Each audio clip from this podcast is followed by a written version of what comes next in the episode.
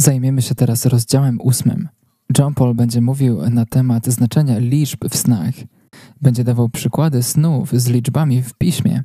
To nauczanie jest ostatnim w tym kursie. Aby zobaczyć, kiedy kolejne kursy będą dostępne, wejdźcie na stronę streamsministries.com. A teraz przed Wami John Paul.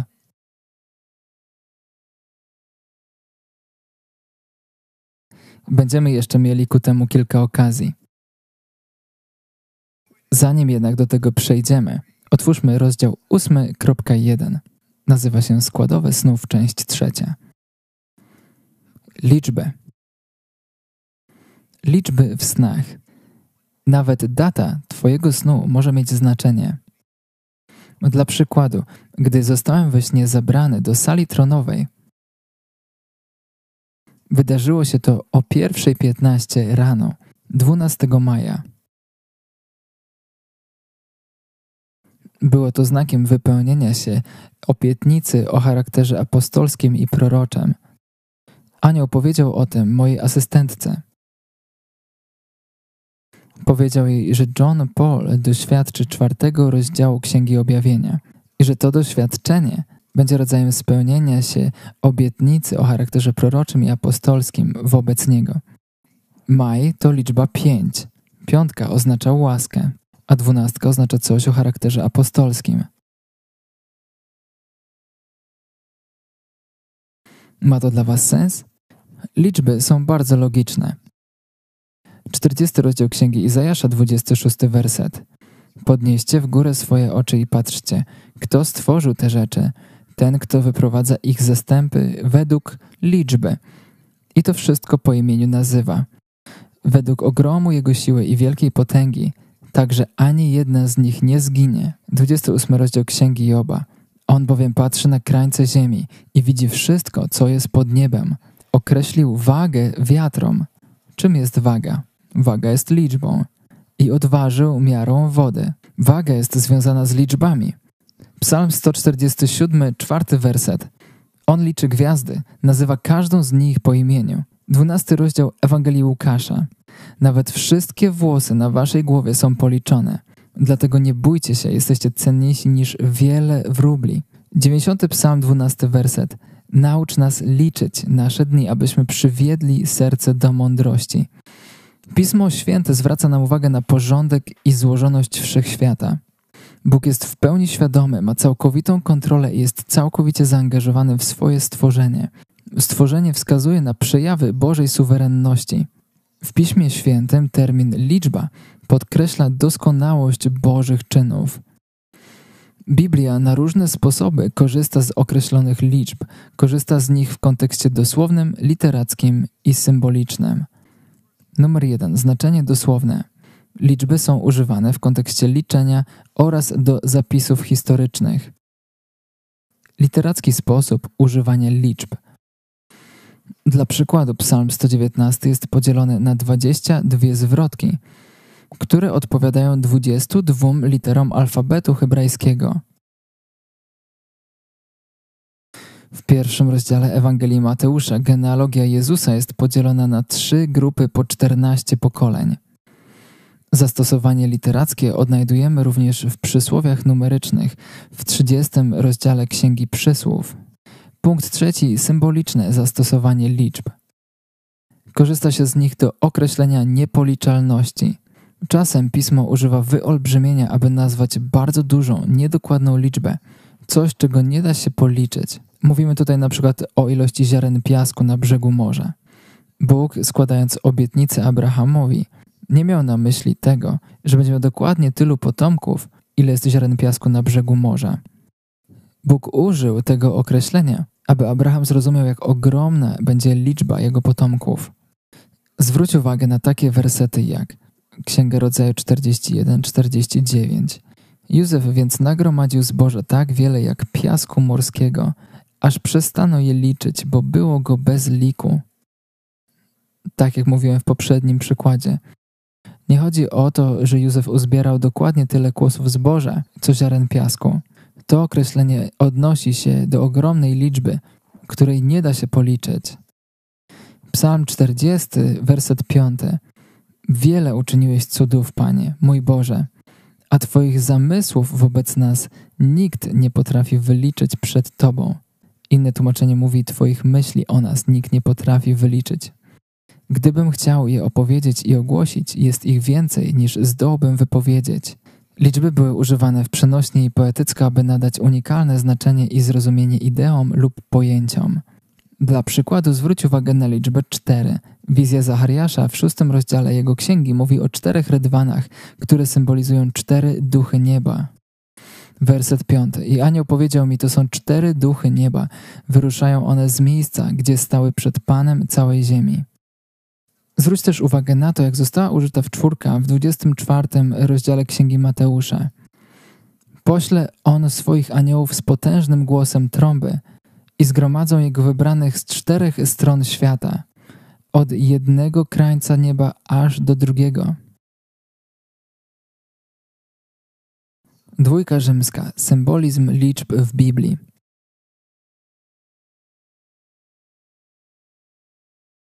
W kulturach starożytnego Bliskiego Wschodu liczby miały znaczenie zarówno ilościowe, czyli dosłowne, jak i jakościowe, czyli symboliczne. Celem studiowania znaczenia liczb jest zrozumienie tego, w jaki sposób Bóg ich używa. Czy wiedzieliście, że istnieje praktyka przypisywania wartości liczbowej literom alfabetu hebrajskiego i greckiego?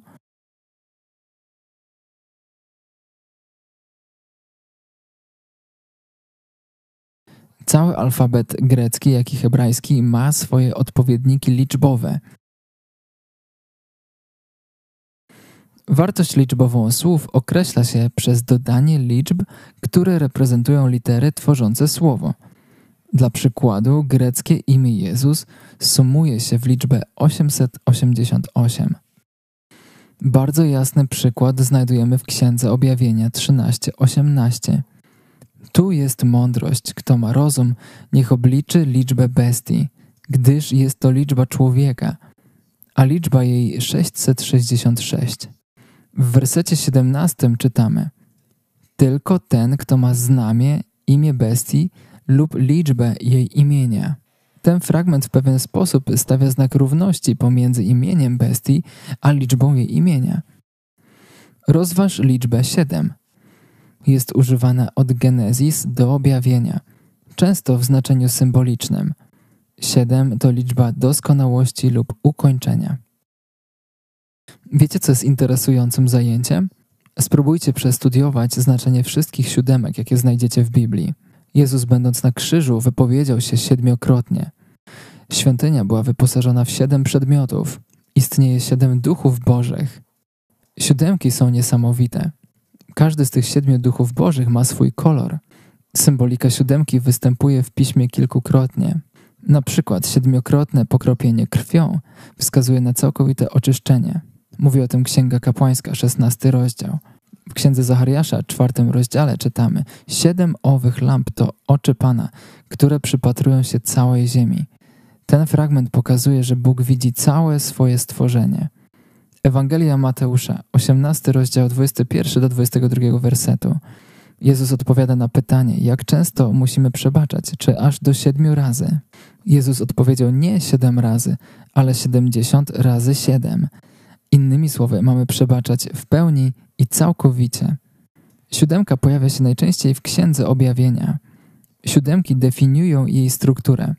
Listy napisane do siedmiu kościołów w rozdziałach drugim i trzecim reprezentują wszystkie kościoły.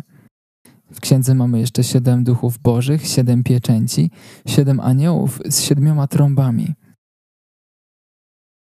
Symboliczne znaczenie liczb w Piśmie Świętym jest naprawdę istotne. Bóg będzie używał liczb jako symboli w snach i w wizjach. Wiemy to z 40 i 41 rozdziału Księgi Rodzaju z Księgi Daniela czwartego rozdziału i z całej Księgi Objawienia. W śnie z 40 rozdziału Księgi Rodzaju trzy gałązki oznaczają trzy dni, trzy kosze oznaczają trzy dni. W śnie z następnego rozdziału Księgi Rodzaju siedem krów oznacza siedem lat. W Księdze Daniela, czwartym rozdziale, siedem okresów czasu oznacza pełnię. Idziemy dalej. Liczby mogą mieć znaczenie symboliczne zgodne z tabelą poniżej.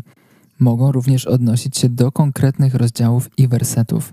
Przeczytajmy teraz sen, w którym liczba odgrywa kluczową rolę. Wychodziłem z kościoła i spotkałem pastora, który wychodził ze spotkania Rady Starszych. Zauważyłem, że ma na sobie brązowy garnitur i białą koszulę. Wszyscy wyglądali na zaniepokojonych. Zapytałem go, czy wszystko w porządku. Powiedział, muszę dotrzeć do restauracji przed piątą. Wyjechałem z parkingu ze dwoma starszymi, którzy jechali brudnym, szarym samochodem. Przednia szyba samochodu była zabłocona. Gdy jechaliśmy autostradą, zasygnalizowali, że powinniśmy skręcić na autostradę o numerze 13. Sen się skończył.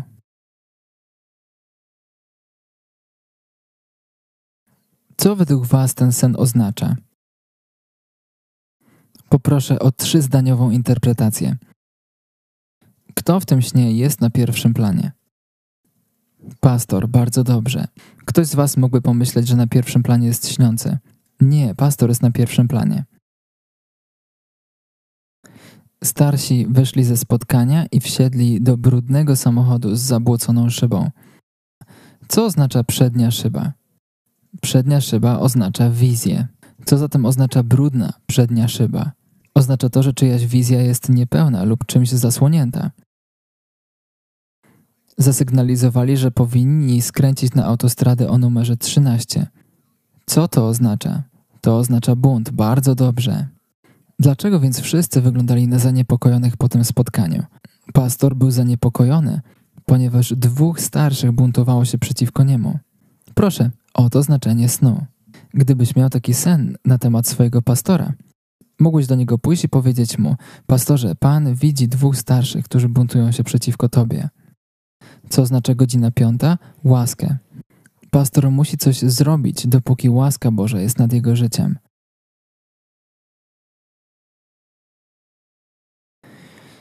Przechodzimy do tabeli znaczeń.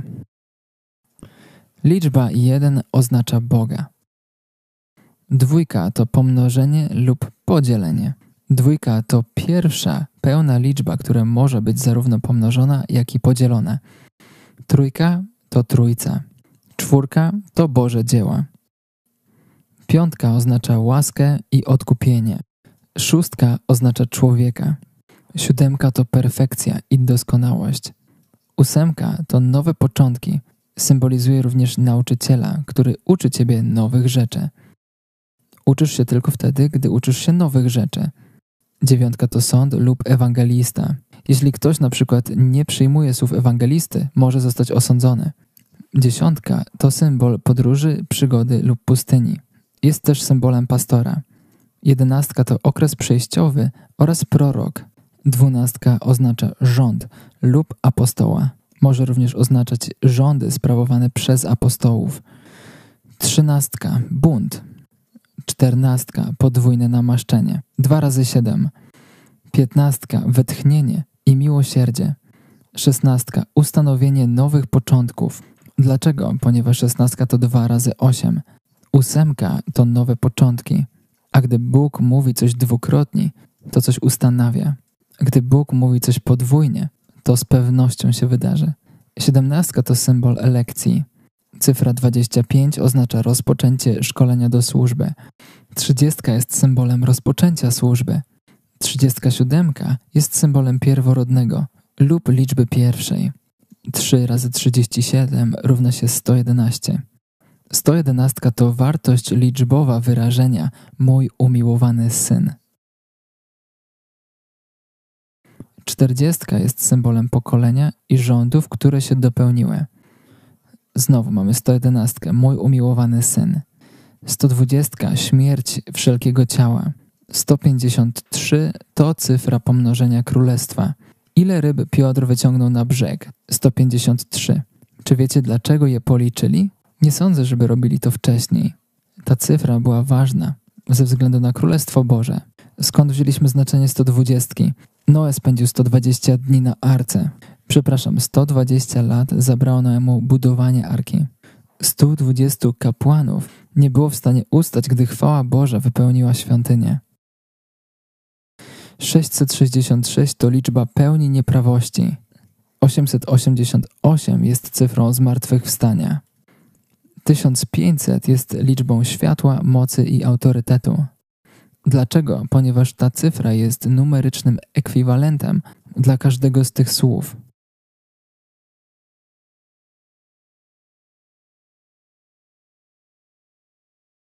Gra słów. Czasem Bóg w naszym życiu stosuje grę słowną. Wypowie jakieś słowo, które tak naprawdę będzie oznaczać coś innego. Miałem kiedyś sen, w którym jechałem do kościoła. Sen przyśnił mi się z soboty na niedzielę, zanim wyjechałem do kościoła. Śniło mi się, że jestem w łodzi na rzece.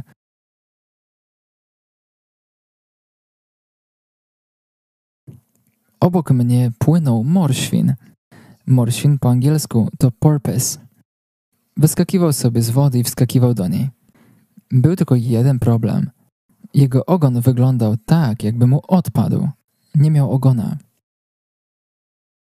Wyglądało to tak, jakby on mu po prostu odpadł. Nie nawet jakby ktoś mu go odciął. Wyglądało to tak, jakby on mu odpadł.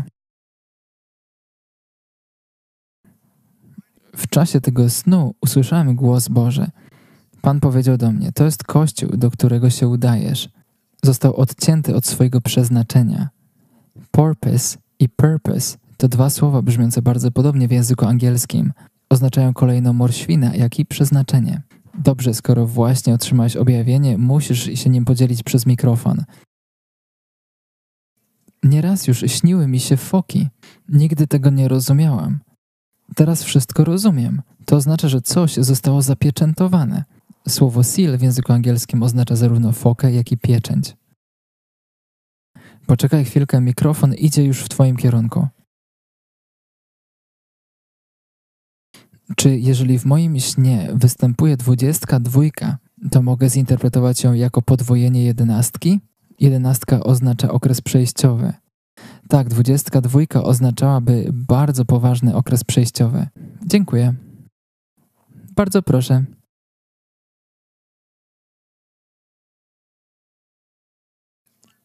Stosowanie gry słów wymaga dużej sprawności w posługiwaniu się językiem.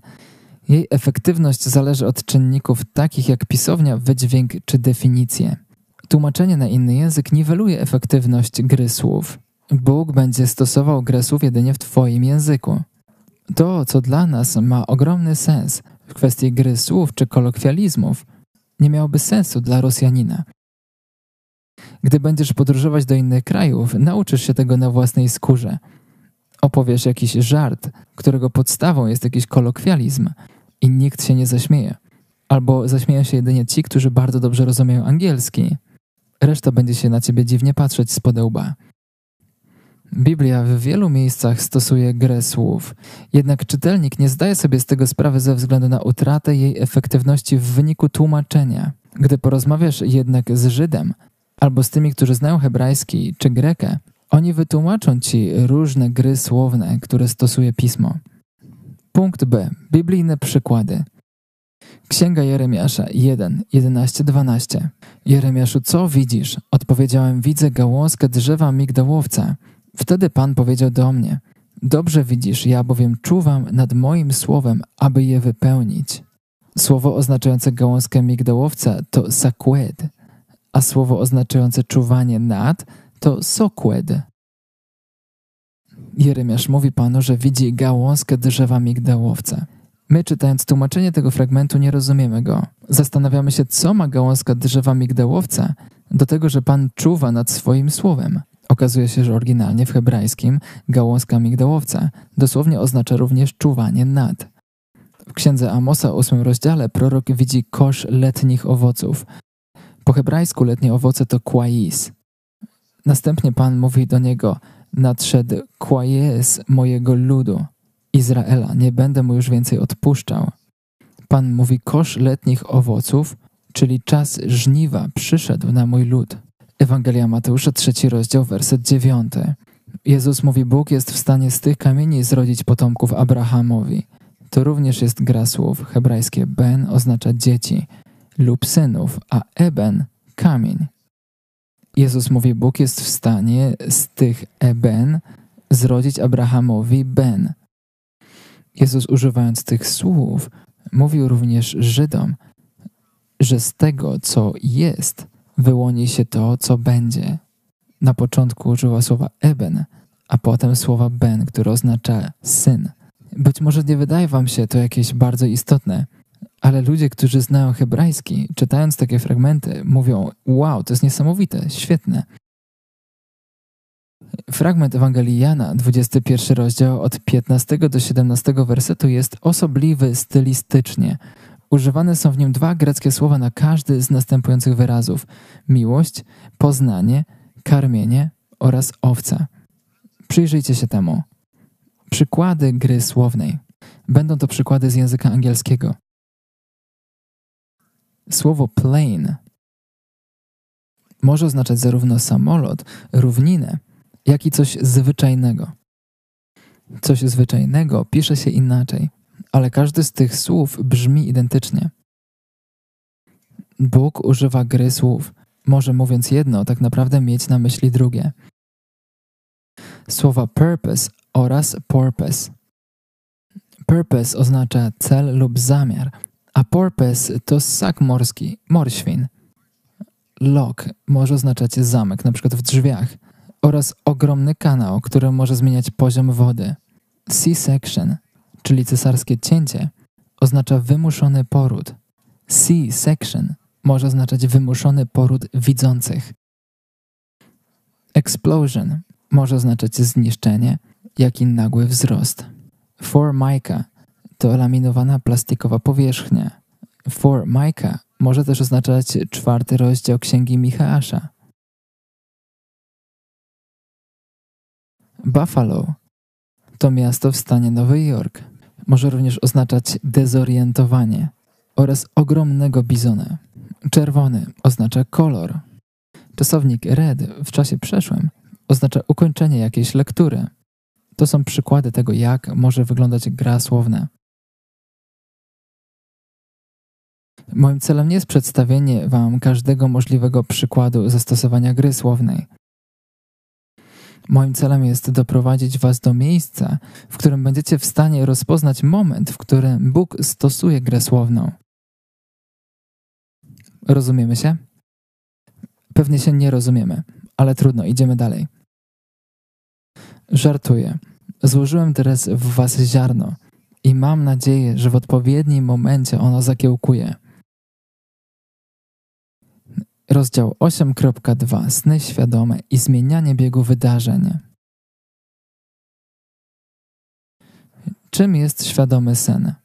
Świadomość to słowo oznacza pełną jasność myśli i zdolność do pełnego wykorzystania swoich zdolności. Świadome sny bardziej zapadają w pamięć, w rzeczywistości bliżej im do wizji niż do snu. Wynika to z ich realizmu i wyrazistości. Świadome sny są w stanie wpływać na nasz wymiar. Dlaczego? Ponieważ wpływając na wymiar snów, wpływamy też na wydarzenia w naszym wymiarze. Świadome sny, które pochodzą od Boga, są wypełnione mocniejszymi kolorami i silniejszymi emocjami niż zwykłe sny. Świadome sny charakteryzują się tym, że śniący posiada w nich miarę świadomej aktywności oraz kontroli. W śnie świadomym zdajesz sobie sprawę z tego, że śnisz. Jeśli kiedykolwiek w czasie snu pomyślałeś sobie, to jest sen, to oznacza, że doświadczyłeś przebłysku świadomości. W tym momencie, w którym zdajesz sobie sprawę z tego, że śnisz, masz na przykład myśl, która mówi ci: Ja już to widziałem, to już mi się śniło. Tego typu myśli są przejawami świadomości. Gdy masz je we śnie, możesz zacząć podejmować kolejne kroki. Sen świadomy jest na tyle rzeczywisty, że zdajesz w nim sobie sprawę z tego, że możesz mieć wpływ na jego kierunek i konsekwencje wydarzeń. Wiesz, że przejmiesz kontrolę nad snem, jeśli tylko przemówisz, jeśli na głos wypowiesz słowa, które będą świadczyć o tym, że jesteś świadom tego, że śnisz. Często w przypadku snu świadomego śniący budzi się tuż przed końcem snu, po czym decyduje się ponownie zasnąć, aby dokończyć sen. Czy ktoś z Was tego doświadczył? Widzę, że większość z Was. Sen świadomy daje Ci możliwość wywarcia wpływu na sen, który Ci się nie podoba. Możesz wpłynąć wtedy na to, w jaki sposób sen się kończy. Sen świadomy daje Ci również możliwość wywarcia wpływu na sen, który Ci się podoba. Dlaczego chciałbyś mieć wpływ na taki sen? Być może dlatego, gdybyś zdał sobie sprawę, że podoba Ci się on z niewłaściwych powodów. Na przykład możesz robić we śnie coś, co jest przyjemne dla ciała, ale szkodliwe dla ducha.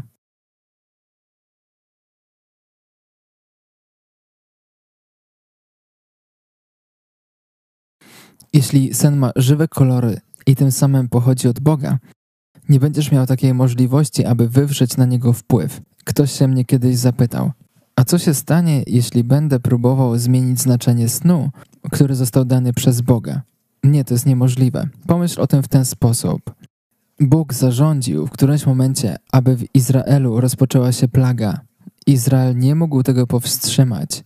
Tylko Bóg poprzez Mojżesza mógł powstrzymać plagę. Nie jesteś w stanie ani zmienić, ani zatrzymać tego, co Bóg rozpoczął. Możesz zbuntować się na sen, który Bóg ci dał. Możesz nie być mu posłuszny, ale nie możesz go zmienić. Śniąc świadomie opuszczamy ziemską, teraźniejszą rzeczywistość i wchodzimy w rzeczywistość ducha. Jest to wspaniała przestrzeń dla kreatywności.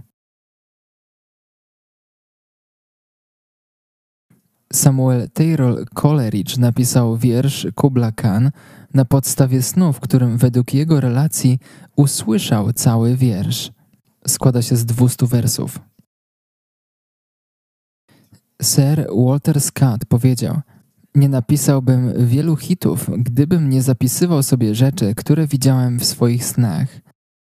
Wiele z obrazów Rembrandta powstało w oparciu o to, co widział w swoich snach. George Frederick Handel napisał Mesjasza po tym, jak najpierw usłyszał muzykę we śnie. Usłyszał ją w całości. Wiele z odnoszących sukcesy osób korzysta ze świadomych snów, aby przygotowywać się do wyzwań stojących przed nimi w rzeczywistości. Mówimy tutaj o przemowach publicznych, występach na żywo, konkurencjach sportowych, podejmowaniu się wyjątkowo trudnych zadań. Rozmawiałem z kimś ostatnio, kto miał tego typu sen, gdy miał 8 lat. Śniło mu się, gdy miał 8 lat, że wygrywał pewne mistrzostwo. Wygrał grę w ostatnim secie 8 do 3. Wydarzyło się to 28 lat później. Nie pamiętam teraz, jak ta osoba się nazywała. Sen świadomy jest niezwykle żywą formą obrazowania mentalnego. Często śniący jest świadomy tego, czego doświadcza. Jest to dla niego tak rzeczywiste, że wydaje mu się, że jest na jawie. Ta świadomość staje się coraz silniejsza, gdy ktoś rozwija się w rozumieniu i korzystaniu ze świadomych snów. Sny, w których się lata, są formą snów świadomych, zwłaszcza wtedy, gdy śniący kontroluje swój lot. Mówię tutaj o prędkości, kierunku lotu oraz o decydowaniu o wznoszeniu się czy lądowaniu. Jest to również przykład tego, że we śnie możemy doświadczyć usunięcia normalnych, zwykłych ziemskich ograniczeń, we śnie jesteśmy w stanie oddychać pod wodą. Jesteśmy w stanie latać. Możemy poruszać się w powietrzu. Są to rzeczy, które są niemożliwe w zwykłym życiu. Czasem budzimy się, mając wrażenie, że pewne sprawy nie zostały zakończone. Jest tak zwłaszcza wtedy, gdy obudzimy się, zanim sen się skończy. Kładąc się spać, rozwiązuj. Co to znaczy? Wzbudź w sobie wewnętrzne pragnienie, aby poznać pełnię interpretacji snu, który ci się przyśni. Musisz również reagować. Co to oznacza? Módl się i proś Pana, aby ponownie przekazał Twemu duchowi to, co chciał Ci powiedzieć. Poproś go, aby pozwolił Ci znów zasnąć, abyś mógł dokończyć sen. Dosłownie poproś Pana. Powiedz, Panie, pomóż mi znowu zasnąć. Chcę w pełni odebrać to, co chciałeś mi powiedzieć. Możesz poprosić również Pana, żeby dał Ci inny sen, ale o tym samym znaczeniu. Kolejną zasadą jest pamiętaj. Mamy rozwiązywać, reagować, pamiętać i powtarzać. Staraj się przypominać sobie swoje sny, ponieważ motywy w snach, ich fabuła czy przesłania często powtarzają się przez kilka nocy z rzędu.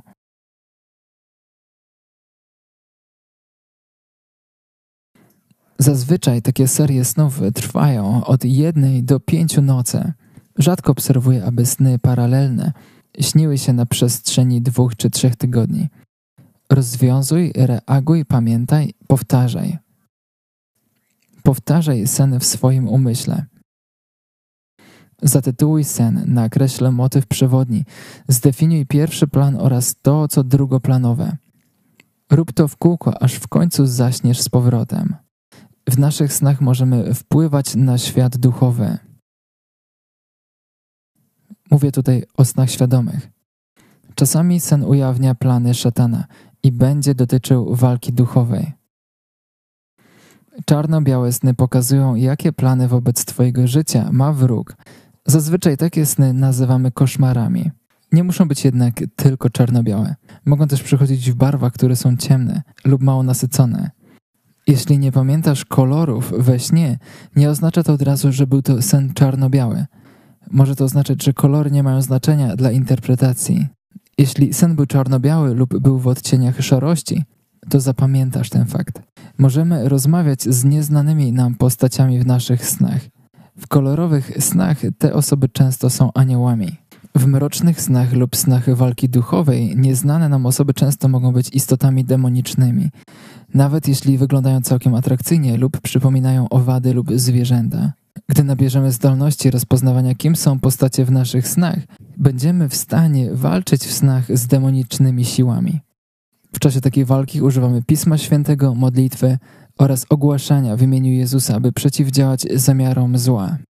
W ten sposób możemy odwrócić plany wroga. To, o czym teraz mówimy, nazywamy odwracaniem przebiegu lub znaczenia snu. Jeśli nie uda ci się odwrócić przebiegu snu we śnie, możesz jego znaczenie obrócić po przebudzeniu. Możesz zacząć się modlić i mówić: Nie zgadzam się na to, żeby ten sen się ziścił. Moi synowie tego nie zrobią, moja żona tego nie zrobi, ja tego nie zrobię. Deklaruję w imieniu Jezusa Chrystusa, że to, o czym mówił ten sen, nie wydarzy się. Jeżeli zaczniesz odwracać znaczenie snu nawet po przebudzeniu, to pozwoli ci na takie działanie w czasie Twoich snów. Otworzy ku temu drzwi. To przesłanie mogłoby być prawdziwe, gdybym to zawsze ja był źródłem swoich snów. Ale jeżeli Bóg daje sny, to oznacza, że oni nie są w stanie wejść do mojego snu. Jest to bardzo interesujące. Na pewno stworzyło to ogromny popyt na książki o snach.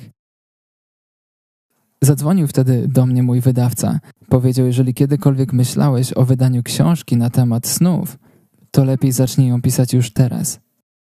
Zainteresowanie książkami na temat snów jest ogromne. Tworzy się teraz kolejne filmy na temat snów. Jest bardzo ważnym, aby tworzyć teraz materiały na temat snów. Dlatego to robię. Książka o snach wyjdzie następnej wiosny. Dosłownie nazywa się Księga o snach. Przesłania z wieczności.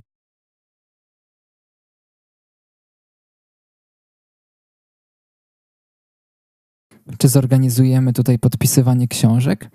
Myślisz, że ktokolwiek na to by przyszedł? Organizowałem już kilka spotkań, na których podpisywałem książki. Średnio pokazywały się na nich trzy osoby. Pomyślałem więc, że organizowanie ich jest trochę bez sensu. Mam organizować spotkania z podpisywaniem książek i modlitwą o udzielenie? No tak, na to przyszłoby trochę więcej osób. Prawda też jest taka, że nie organizowałem takiego spotkania od 10 lat. Może o to w tym chodzi. Muszę to inaczej rozreklamować. Przyjdźcie na spotkanie i być może Bóg zabierze nas wszystkich przed swój tron.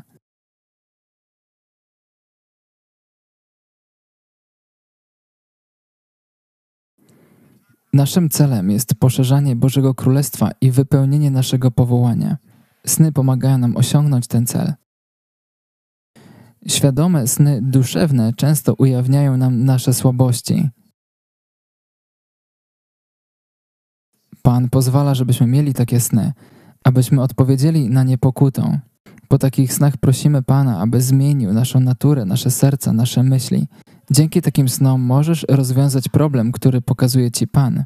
Czasem też możesz pokutować we śnie. Gdy rozwiązujemy te problemy, stajemy się duchowo silniejsi i bardziej wrażliwi na przekonującą moc Ducha Świętego. Jeśli nie odpowiemy na to, czego wymaga od nas sen, będziemy mieć coraz mniej snów. Musimy pokutować i prosić Boga, aby usunął niewłaściwe rzeczy z naszego serca i nawyki, które skłaniają nas do reagowania lub myślenia w niewłaściwy sposób. Najgorszą rzeczą, jaką możemy zrobić, to nie reagowanie na sen w żaden sposób. Przygotowywanie się do świadomego śnienia. Czy naprawdę chcesz pamiętać swój sen? Jeśli tak, to poproś Ducha Świętego, aby zwiększył poziom intensywności i wyrazistości Twoich snów. Poza tym bądź konsekwentny w kładzeniu się spać z zamiarem rozpoznania tego, że śnisz. Gdy zaczynamy się uczyć świadomego śnienia, we wczesnych stadiach często budzimy się, gdy rozpoznajemy, że śnimy. Dlatego nie zniechęcajcie się początkami. To będzie ulegać zmianie. Po pewnym czasie nie będziesz tak łatwo się wybudzał. Zanim pójdziesz spać, poproś Ducha Świętego, aby pomógł ci nie wybudzać się ze snu, dopóki nie nauczysz się tego, co On ci pokazuje i dopóki właściwie nie zareagujesz na powód, dla którego On daje ci sen. Czasem ten powód rozpoznasz dopiero wtedy, gdy zgromisz to, co widzisz we śnie. Tak słucham.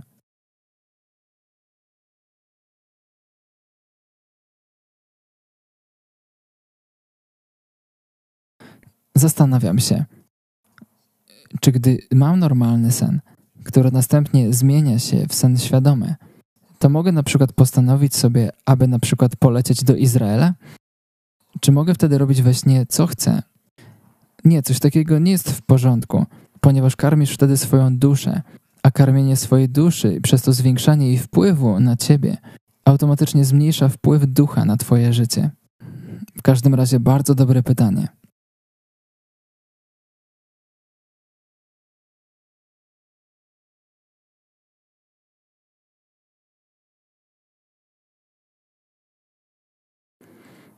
Czy gdy sen staje się świadomy, możemy poprosić Boga, aby zamienił ten sen z powrotem w sen, który jest duchowy? Temat jest taki.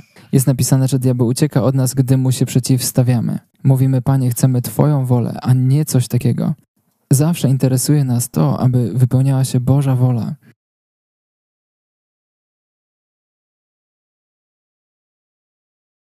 Postaraj się wyrobić w sobie nawyk, by nigdy nie chodzić spać w niepokoju. Medytuj nad atrybutami Boga. Rozważaj jedno z Jego imion i to, co ono oznacza. Myśl o tym, że jest wszechpotężny. Myśl o tym, że jest wszechwiedzący. Myśl o tym, że jest wszechobecny. Myśl o tym, że jest niezmienny. Zastanawiaj się, co to dla ciebie oznacza. Wyobraź sobie, że Duch Święty unosi się nad tobą, gdy idziesz spać. Wyobraź sobie, że usuwa chaos z twojego życia i wprowadza w nim porządek, tak jak wyłonił porządek z chaosu na ziemi. Pamiętaj, że zostałeś stworzony z prochu. Księga Rodzaju, drugi rozdział, siódmy werset. Wtedy Pan Bóg ukształtował człowieka z prochu ziemi i tchnął w jego nozdrza tchnienie życia. I człowiek stał się żywą duszą. Inne tłumaczenie mówi, człowiek stał się żywym duchem. Poczuj tchnienie Ducha Świętego nad tobą, który zdmuchuje z ciebie kurz tego życia. Pamiętaj, Bóg chce, żebyś żył w duchu i chodził w duchu. Poza tym bardzo chce mieć z tobą społeczność. Przypomnij sobie, że Bóg chce, aby Jego duch cię okrywał i mówił ci rzeczy, które są ukryte głęboko w Jego sercu. Pierwszy list do Koryntian, drugi rozdział, dziesiąty werset. Nam zaś Bóg objawił to przez swojego ducha. Duch bowiem bada wszystko, nawet głębokości Boga. Duch chce objawiać wam głębokości Boże. Pamiętajcie, że Bóg naprawdę tego chce. W jaki sposób rozpoznać to, że rozwijasz się w świadomym śnieniu? Rozpoznajesz to po tym, że na przykład we śnie, w którym aktualnie jesteś, zaczynasz przypominać sobie twoje poprzednie sny. O tym mówiłem już wcześniej. Śniąc będziesz czasem sobie mówił, już kiedyś o tym śniłem. Wiem, o czym jest ten sen. Zaczniesz też we śnie rozpoznawać pewne typy ludzi, miejsc czy rzeczy oraz będziesz wiedział, kogo lub co reprezentują. Będziesz rozpoznawał, że pewna część snu już ci się śniła i powiesz sobie, nie chcę, żeby wydarzyło się to, co poprzednio. Zaczniesz wpływać na wydarzenia we śnie, nie będziesz jedynie biernym obserwatorem.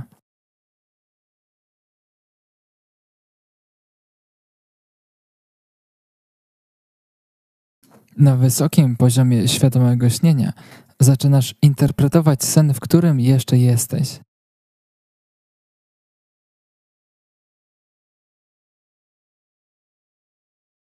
No dobrze, macie teraz przed sobą coś, co musicie zrobić. Nie chcę, żebyście rzucali się na całość, Ale chcę, żebyście zrobili kilka rzeczy. Świetnym sposobem na naukę interpretacji snów czy wizji jest studiowanie wszystkich snów, wizji czy przypowieści, jakie znajdują się w Biblii, zwłaszcza tych, które zostały zinterpretowane. Takie studium sprawi, że dzięki Duchowi Bożemu nauczysz się zasad interpretacyjnych, których używa Bóg, gdy komunikuje się przy użyciu przypowieści. Sny to Boże nocne przypowieści. Dlaczego? Ponieważ są pełne metafor. Sposób interpretowania przypowieści jest dokładnie taki sam jak sposób interpretowania snu. Chcę, żebyście zrobili następującą rzecz.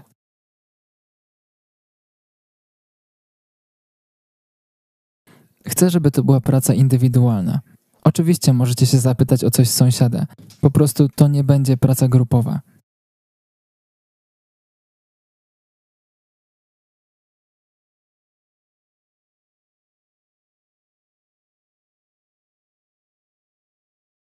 Panie, proszę powiedz mi, jak mam to zrobić?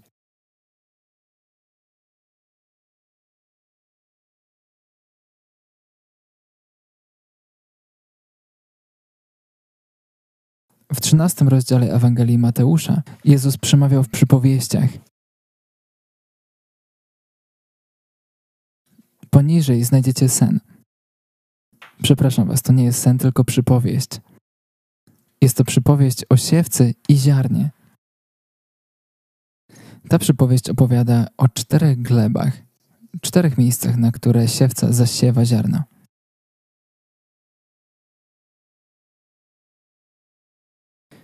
Od wersetów czwartego do dziewiętnastego czytamy o tym, gdzie zasiewane jest ziarno. Na pierwszym planie jest ziarno. Na drugim planie jest ziemia przy drodze. Metaforą są ptaki wydziobujące ziarno. Znaczenie przypowieści jest takie: gdy ktoś słucha słowa o królestwie, a nie rozumie, przychodzi zły i porywa to, co zostało zasiane w jego sercu. Od wersetu 5 do 21 na pierwszym planie znowu jest ziarno. Na drugim planie jest ziemia skalista. Metaforą jest plon, który szybko wschodzi, ale którego pali słońce. Znaczenie jest następujące. Posiany na miejscach skalistych to ten, który słucha słowa i natychmiast z radością je przyjmuje. Nie ma jednak w sobie korzenia, lecz trwa do czasu. Gdy bowiem przychodzi ucisk albo prześladowanie z powodu słowa, zaraz się gorszy. Od siódmego wersetu na pierwszym planie znów jest ziarno. Na drugim planie są ciernie. Metaforą jest zaduszenie plonu przez ciernie. Znaczenie jest następujące. Posiany między ciernie to ten, który słucha słowa, ale troski tego świata i uda bogactwa zagłuszają słowo i staje się on bezowocne. Od ósmego wersetu na pierwszym planie znów jest ziarno, na drugim planie jest dobra gleba. Metaforą jest wydanie plonu. Znaczenie jest następujące. Taka jest osoba, która słyszy i rozumie słowo i wydaje owocne. Omijam teraz trochę rzeczy, żebyście mogli potem odpowiedzieć na pytania sami.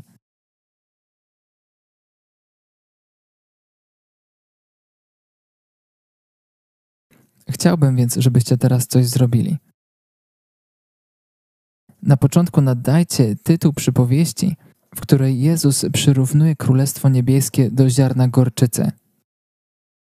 I nie używajcie tytułu, który jest w waszych Bibliach. Nie używaj tytułu nadanego przez tłumacza. Wymyśl własne.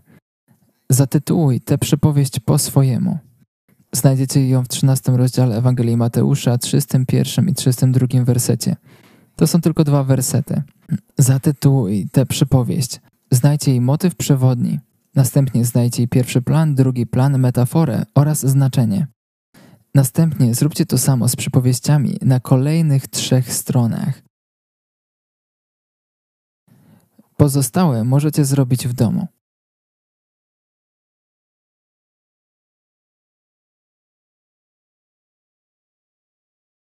Zróbcie przypowieść o ziarnie gorczycy, przypowieść o zakwasie, o skarbie ukrytym w polu i o kupcu, który szukał pięknych pereł. Macie więc popracować nad czterema przypowieściami.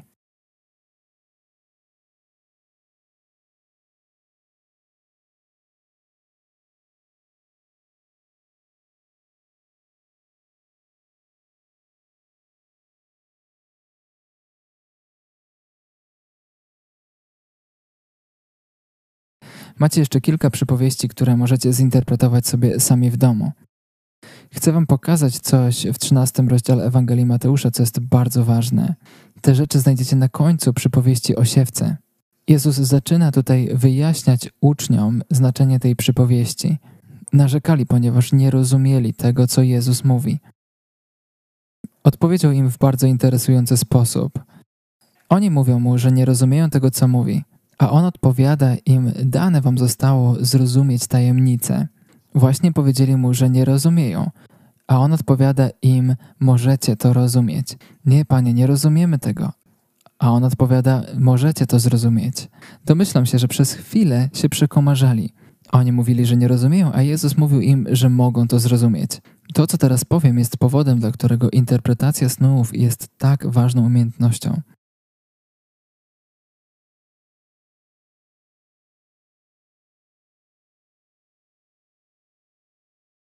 Końcówka 23 wersetu.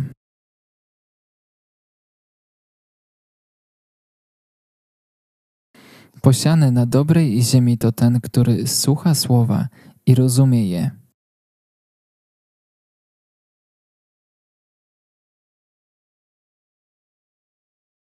Posiany na dobrej ziemi to ten, który słucha słowa i rozumie je. Bez interpretacji bardzo trudno jest cokolwiek zrozumieć. Na końcu czytamy o niesamowitej obietnicy, która wiąże się ze zrozumieniem. Jeśli słuchasz słowa i rozumiesz je, wydasz plon stokrotny, sześćdziesięciokrotny albo trzydziestokrotny. Być może wielkość tego plonu zależy właśnie od stopnia zrozumienia oraz od stopnia, w jakim to zrozumienie aplikujemy w swoim życiu. Jesteś w stanie stosować słowo tylko w takim stopniu, w jakim je rozumiesz. Jednocześnie możesz mieć pełne zrozumienie wszystkiego, nie stosując słowa w swoim życiu. Jedno i drugie musi funkcjonować. Moim pragnieniem jest to, żebyście rozpoczęli naukę procesu zrozumienia. Gdy zwiększy się wasze zrozumienie, zwiększy się poziom waszego owocowania. Nie dotyczy to jedynie snów i wizji. Widzicie, te same zasady dotyczą interpretacji przypowieści. Będą dotyczyć interpretacji słów proroczych w piśmie. Będą miały zastosowanie w interpretacji Księgi Objawienia, w interpretacji snów i wizji, które są w piśmie. Dzięki temu procesowi zrozumiesz, dlaczego Bóg doszedł do pewnych wniosków i konkluzji.